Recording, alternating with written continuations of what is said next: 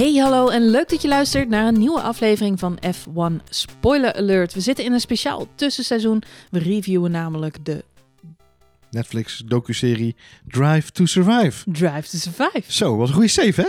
Ja, ik wou de zeggen, maar ik bedoelde het en dan En een, en een. en op en af. Lastig die. Het, het derde seizoen. Het derde seizoen van de docuserie. Die bedoelde ik. Yes. Onze, Komen we er wel. onze bonus content. Komen we er wel. De tweede aflevering gaan we het hebben, over hebben. Back, on, track. Niet Jack on track, maar back on track. Back on track. Eh, ja, de eh, tweestrijd tussen Mercedes en Red Bull. Ja, die was ook weer back on track in deze aflevering. Back Ja. on track. Zaten, eh, wat waren de opvallende... Wat had jij zelf... vond jij het meest opvallende aan deze aflevering? Ehm, nou, zonder dat we het gras van elkaars voeten wegmaaien. Wat ik, wat ik misschien wel leuk vond om te, om, om te delen eigenlijk, is wat ik heel eh, bijzonder vind aan, ook aan de eerste aflevering, maar nu ook weer aan de tweede aflevering, is het feit dat je zo'n eh, oh ja joh gevoel hebt. Eh, ik weet niet of jij dat ook van, Oh ja joh, dat was toen ook. En, eh, en, ik kan het me niet meer voorstellen. En hoe mensen ook tegen dingen aankeken.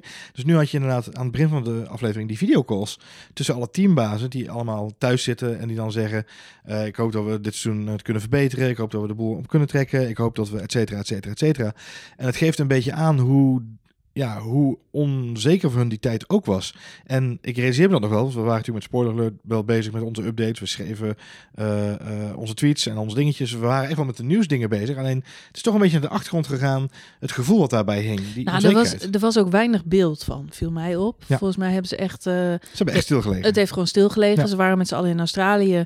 Eh, en toen is niet alleen het hele Formule 1 circus eh, naar huis gegaan, zoals we vorige aflevering al zeiden, zo snel mogelijk voordat ze ergens vast zaten, maar ook de Netflix crew. Iedereen Ja. is naar huis gevlogen, lockdown, niks aan de hand. En ik had zelf heel erg het gevoel dat ze dan vlak voordat de races weer zouden gaan beginnen, of dat eigenlijk de kogel de kerk was, hebben ze even een afspraak gemaakt met onder andere Zack Brown, Ja. die even een obligaat belletje met aan het Chase doen had. zou Ja, zijn met. Chase. Carey. Ja.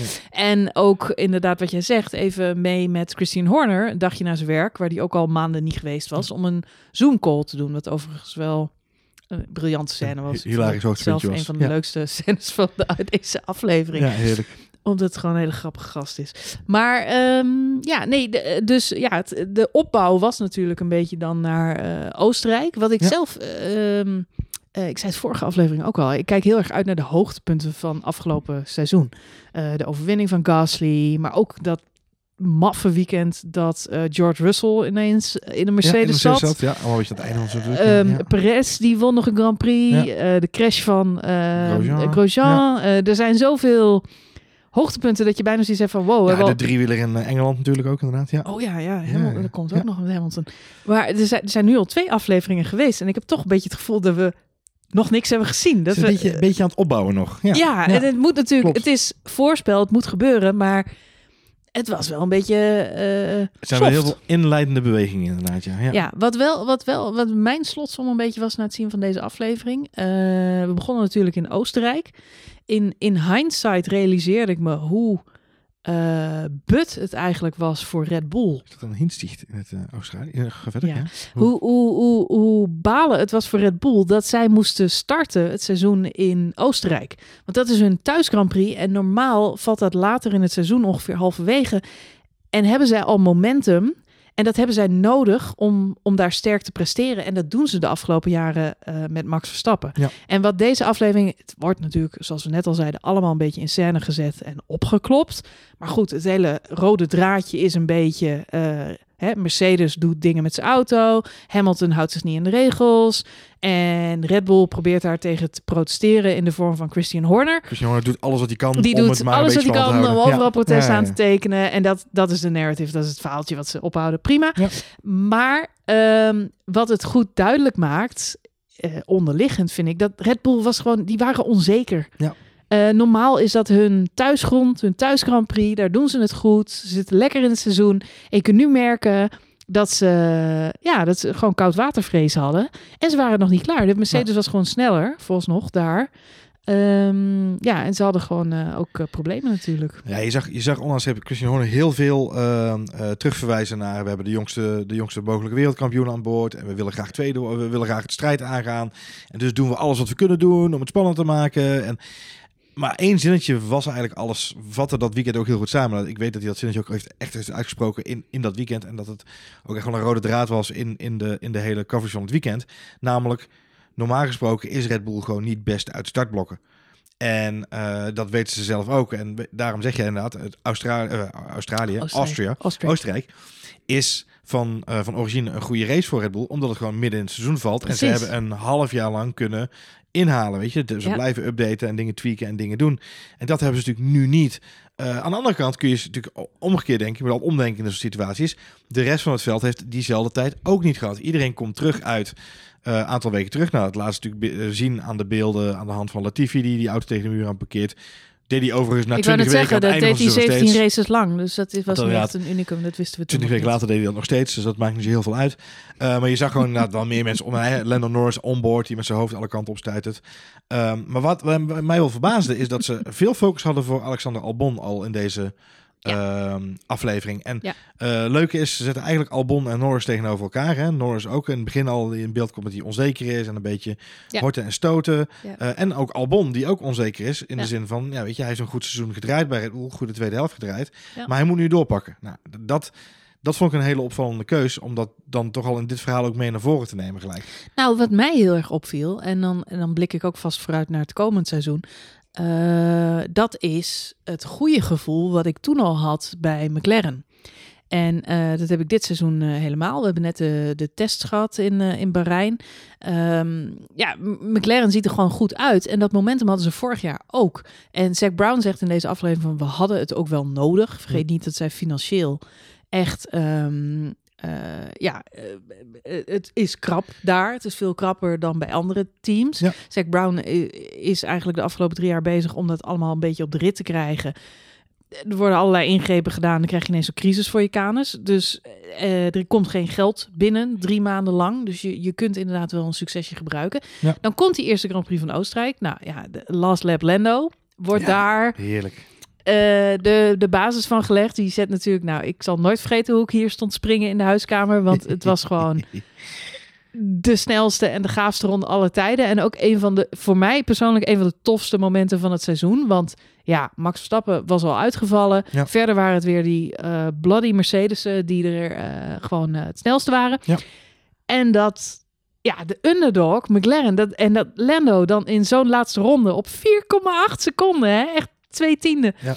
die podiumplek daar kan pakken. Dat was voor mij een soort ontlading van dit seizoen zou alsnog wel eens heel erg anders kunnen zijn dan de afgelopen jaren. Nou, dat werd het uiteindelijk ook. Ook niet misschien in de zin die we gehoopt hadden, Nee. dat Mercedes ineens weer echt uh, de, de strijd aan zou moeten met, met de rest. Maar wel in de zin van, we hebben he- veel meer dan ooit podia gezien van, van andere teams. Klopt. McLaren die pakte echt dat moment. Uh, en eigenlijk uh, dat succes van die eerste race in Oostenrijk heeft ze vleugels gegeven om in Red Bull termen te blijven. vleugels gegeven voor de rest van het seizoen. Ze hebben de rest, ze hadden die, die power boost dat is nodig. En ze hebben hem, uh, ja, er gewoon blijven, ze zijn hem blijven gebruiken. Doorgaan, Ik denk, ja. Zack Brown zegt niet voor niks. Of we konden dit wel gebruiken. Maar je ziet ook de blijdschap in dat team. We hebben het er in de podcast al heel vaak over gehad. Maar de vibe is goed bij McLaren. Ja. Jonge mensen, leuke mensen. Uh, ze Instagram allemaal. Ze, ze, ze, ze zijn bloedfanatiek op social media. Je kunt merken dat ze een ja, een leuke uh, uh, verstandhouding hebben daar op de werkvloer. En zo'n eerste podiumplek. Iedereen vliegt elkaar in de, in de, in de, armen. armen, Ik moest ook ja. lachen, want de hele aflevering doet iedereen super spastisch met die gekke elleboogjes de hele tijd. En voetjes, voetjes. Ja. Ja. als je zo'n elleboogje van Zack Brown krijgt, dan kun je geloof ik echt meteen een mitella om. Want het is gewoon, die gast die peukt echt iedereen uh, het ziekenhuis in. Maar dan, dan, is die, dan is die podiumplek binnen en dan vliegen ze elkaar allemaal gewoon om de hals. Ja. En dan... Uh, Overigens, ander momentje. Uh, Jean Tot, die krijgt ook gewoon een handje. Die krijgt een handje voor is- Christian inderdaad. Ja, ja. Dat was, een soort, dat was bijna Rutteaans, zou ik willen zeggen Ja. inderdaad. Ja. Oh, oh, dit is de directeur. Ja. Die mag geen handje. Sorry, even vergeten. Maar dat is voor McLaren. Maar jij zegt terecht, Albon heeft eigenlijk het tegenovergestelde. Ja, ja, kijk, Albon wordt door Christian Horner ook geïntroduceerd als uh, de revelatie van vorig seizoen. Hij heeft het zo goed gedaan. En dit seizoen hebben we twee auto's om te competen met Mercedes. Dat is echt de introductie van, van Albon in deze serie nu weer. Hebben dus Albon heeft het goed gedaan en hij gaat nu podia pakken. Hij is sterk, hij is in de vorm van zijn leven. En met Max en Albon hebben we twee auto's waarmee we Mercedes kunnen gaan bestrijden. Ze zetten eigenlijk Albon ook neer in een soort setupje. En dat doen ze natuurlijk verhaal technisch gezien heel erg interessant. Van ook, hij moet zich nu gaan bewijzen. Ook voor hem is het de race dat hij uh, moet laten zien wat hij kan. Nou, en laten we eerlijk zijn. Uh, Lando rijdt een hartstikke goede kwalificatie. Albon en Hamilton halen hem daar in Oostenrijk ook al gelijk vrij snel in. Brengen ze goed in beeld overigens. ik vind de race in deze aflevering echt tof in beeld gebracht. En er waren ook een aantal dingen van, oh ja, dat was inderdaad zo. Dat gebeurde toen inderdaad. Uh, jij zegt dan, Max valt uit met motorproblemen. En Red Bull doet een hele goede slimme pitstop. En die pitstop is iedereen vergeten. Uh, buiten dat, Albon had echt een wereldstart. Ja, die had een tof start. Hartstikke goede start, zat er meteen bij. En wat Horner terecht zegt, het had zijn eigen eerste overwinning kunnen zijn. En hoe ik nu dit terugkeek, dat was, kijk, met de kennis van nu, weet je dat het niks is geworden. Nee. Maar op dat moment zagen de kaarten voor Albon er echt even heel goed uit. Hij was, hij was bezig om Hamilton, die op een paar oude banden reed, in te halen inderdaad. En, en hij was gewoon op weg naar een overwinning. Nou ja, we weten, voor de mensen die, die we hebben het nu in de aflevering gezien, dus ik kan niet zeggen voor de mensen die meer weten, want ik hoef het niet te zeggen. Maar weet je, hij wordt er dan dus weer door Hamilton afgetikt. Uh, die vijf seconden penalty komt. En je ziet uh, uh, het, het moraal van Albon afbrokkelen. Al in die eerste race wordt er een grondwerk gelegd. Voor mijn gevoel, en ik weet niet hoe jij het ervaren hebt, maar in ieder geval voor Albon. Van oké, het moet een keer komen. En wat deze aflevering heel erg goed laat zien, wat mij betreft, is inderdaad het verschil. Wat doet een eerste, een eerste succes nou voor een team? En waar we dus bij McLaren zagen, daar is de euforie, daar was de energie al goed, maar dan gaat de euforie, die trapt erin. En daar hebben ze eigenlijk het hele seizoen op kunnen doorpakken. En ze hebben natuurlijk een paar andere goede prestaties nog geleverd de rest van het seizoen. Laten we daar niet uh, op interen. Bij Albon zie je dat er nu ontstaat, daar ontstaat er al een, een drukpunt in zijn karakter. Als je, als je begrijpt ik bedoel. Ja, maar vergeet niet. Um, kijk, over uh, Lando wordt hetzelfde gezegd. Zack Brown hoor je ook zeggen van we hebben tegen Lando gezegd dat hij dit seizoen iets agressiever moet gaan rijden. Mm -hmm, ja. Waarvan ik direct tegen jou zei, nou dat hebben ze tegen Max Verstappen nooit hoeven zeggen. um, dus daar zit een verschilletje. Maar ja goed, niet iedereen is Max Verstappen. Dat komt ook steeds weer terug in al deze afleveringen. Er is één supertalent, maar die zit vooralsnog niet in de beste auto. Nee. Um, en de rest doet ook mee en maakt net zo goed kans op dat wereldkampioenschap als maar in die betere auto zitten. Ja. Uh, hebben we nog gezien bij uh, Russell als je in een Mercedes zit, dan heb je gewoon een goede kans om, uh, om mee te doen. We hebben het nog gezien bij Leclerc in een, in een sterke Ferrari. Ja. Er zijn er genoeg um, die misschien net niet verstappen zijn qua agressie en qua talent, maar die op wilskracht en techniek toch uh, gewoon de potentie hebben om uh, vier keer wereldkampioen te worden. En ja, meneer ja, Verstappen helemaal nooit. Nee. Ik zeg niet ik, dat ik dat wil, verre als, van. Als je, het hebt Alleen... over, als je het hebt over wilskracht, Charles Leclerc wordt in deze race tweede hè, in die Ferrari. Ja, knap hè? Dus, uh, Daar gaat het helemaal niet over. Dus, uh, nee, dat zie je helemaal niet de beste prestaties van Ferrari, die, die, wordt meteen die gast, die gast die rijdt een auto van John Deere, rijdt hij naar de tweede plek. en er is niemand die iets van zegt. Nee, nee maar goed, iemand als uh, Norris heeft wel de tijd gehad om om te rijpen, zeg maar. Die heeft een jaar lang bij McLaren gereden. En hij krijgt dan na dat eerste jaar te horen van... mag af en toe iets, hè, je mag iets meer van jezelf laten zien. Uh, bij Russell zag je hetzelfde. Eerste ja. seizoen heel constant, rondetijden, nooit uitgevallen. Uh, op één keer na, geloof ik. Dus um, gewoon braaf en goed, in. Ja. steady. En daarna, het volgende seizoen, wat meer het achterste van je tong laten zien. Zowel Russell heeft dat dit seizoen gedaan, als Norris heeft dat dit seizoen gedaan. Wie kreeg die kans niet? Die andere Brit, halve Brit, Albon. Oh, ja. Die moest, tuurlijk, hij zat eerst in een uh, Toro Rosso, Alfa Tauri, hoe heet ze allemaal. Ja, ja. Maar um, uh, hij kreeg bij Red Bull maar één seizoen. Ja, en als dat, soon, ja, ja, ja, en als dat het hem dan niet is, je zou eigenlijk zeggen, kijk, ik, ik ben er geen voorstander van dat hij had moeten blijven. Ik denk dat niemand het daarmee eens Die, was. That ship has sailed. Yeah. Maar in een andere, in een ander team had hij bij McLaren gezeten of bij Renault, dan had hij nu nog gewoon het tweede jaar gereden en dan had hij ja. zichzelf nu verbeterd. Ja, oké. Okay. Maar weet je, zo ken ik talloze spitsen die bij Ajax gevoetbald hebben. En die uh, een jaartje Op het juiste moment, of verkeerde en, moment en weg zijn die gegaan. Bij Ajax, die, nee, die het bij Ajax niet konden maken. Maar die bij alle andere clubs in de wereld nog een hartstikke succesvol spits zijn geweest. Natuurlijk is het zo dat, dat als, als Nee, je dat kon. Maar bij Red Bull krijg je dus niet de kans op een tweede jaar. Dat is mijn punt. Nee, dat, je moet meteen maar, net zo goed als Max Verstappen zijn of binnen vier tienden, nou ja, anders moet je weg. Dat laatste betwijfel ik. Uh, uh, ik weet niet of dat het argument is wat ze gebruiken. Uh, je, want dat zou een hele rare spiegel zijn om te hanteren. Uh, maar ik denk wel, kijk, er is een hele strenge selectie. De, de deurselectie is vrij heftig, zullen we maar zeggen. Uh, dus daar zijn we het over eens. Alleen ik denk niet dat het criteria is, je moet net zo snel zijn als mag verstappen. Ik denk alleen wel dat het probleem is dat je een bepaalde attitude moet hebben. En een bepaalde, je moet gelijk presteren. Die druk is heel hoog. En het grappige is, Ze doen er alles aan om die angel weg te nemen. Alleen, Christian Horner zegt in deze aflevering ook... dat eerste podium, dat neemt alle druk bij hem weg. Of dat neemt alle druk weg. En toen dacht ik, ja, maar bij wie neemt het dat weg? Hè? Neemt het dan bij hem weg of rond hem weg? Want dat is eigenlijk de vraag die je hier moet stellen. En ik denk dat het gewoon heel erg sterk gaat over uh, een bedrijf Red Bull of een, een, een ja, bedrijf Red Bull, maar het, het, team Red Bull moet gewoon podia pakken. Hm. En als dus de ene auto hem niet pakt, dan moet die andere hem pakken. Want ze zijn de twee, ze zijn de, van de vier uh, snelste auto's, hebben zij er twee. Dus dat is de, de druk die waar hij mee moet handelen. En dus is dat denk ik hetgene wat hem uiteindelijk uh, gebotteld heeft, om zo maar genekt heeft, om zo maar even te zeggen. Ja. Maar het is wel, weet je, deze aflevering wordt heel erg gebruikt om, om, om hem de, het gevoel te geven dat hij zijn kans gaat krijgen dit seizoen. Ja, dat is natuurlijk voor mensen die de Formule 1 hebben gevolgd. Wij kennen de uitkomst intussen. Ja, ja ik vraag me nog steeds af bij het zien van Drive to Survive. Uh, maken ze het nou voor de fans, voor ons? Of maken ze de serie nou voor mensen die geen Formule 1 kijken? Ik denk dat ze voor het eerst uh, deze eerste twee afleveringen heb ik het gevoel dat ze een balans aan het zoeken zijn geweest. Ik had de eerste twee seizoenen heel sterk het gevoel dat ze een soort promo-video gemaakt hadden voor mensen die de sport rakelings volgen. Mm -hmm. uh, aan de zijlijn volgen, zeg maar. Mm -hmm. uh, en wij hebben natuurlijk, we zijn met onze luisteraars allemaal ontzettende Formule 1 nerds. Uh, met alle respect, jongens, leuk dat jullie luisteren. Um, maar, maar de, um, dus de eerste twee seizoenen zijn voor een hele hoop mensen, zoals jij en ik, hadden ze van ja, dit is wel heel erg gezocht. Of dit verhaal is helemaal niet zo gelopen, wat raar. Die frustratie voel ik nu een heel stuk minder op de een of andere manier. Misschien omdat ik weet hoe het de eerste twee seizoenen was en dat het nou eenmaal zo is, dat je erbij neerlegt. Maar ook omdat ik wel denk dat ze een soort van balans aan het zoeken zijn gegaan naar. Uh, hoe kunnen we ook de wat meer in-depth fans toch een beetje tevreden houden. Dus ja, ik weet niet. Ik denk dat we op moeten naar aflevering 3 straks om te kijken hoe het, uh, uh, hoe het zich ontvouwt, het verhaal. Maar vooralsnog vind ik de balans beter dan bij de eerste twee seizoenen. Oh ja? Ja, ja vooralsnog wel. Hm. Ja, ik moet eerlijk, als Formule 1 fan, ik, ik, ik, maar ik mis sowieso, maar dat is, dat is wat jij al zegt. Jij zegt heel terecht, we zijn twee afleveringen onderweg. We hebben een uur van ons leven besteed aan Drive to Survive. Iets meer dan een uur.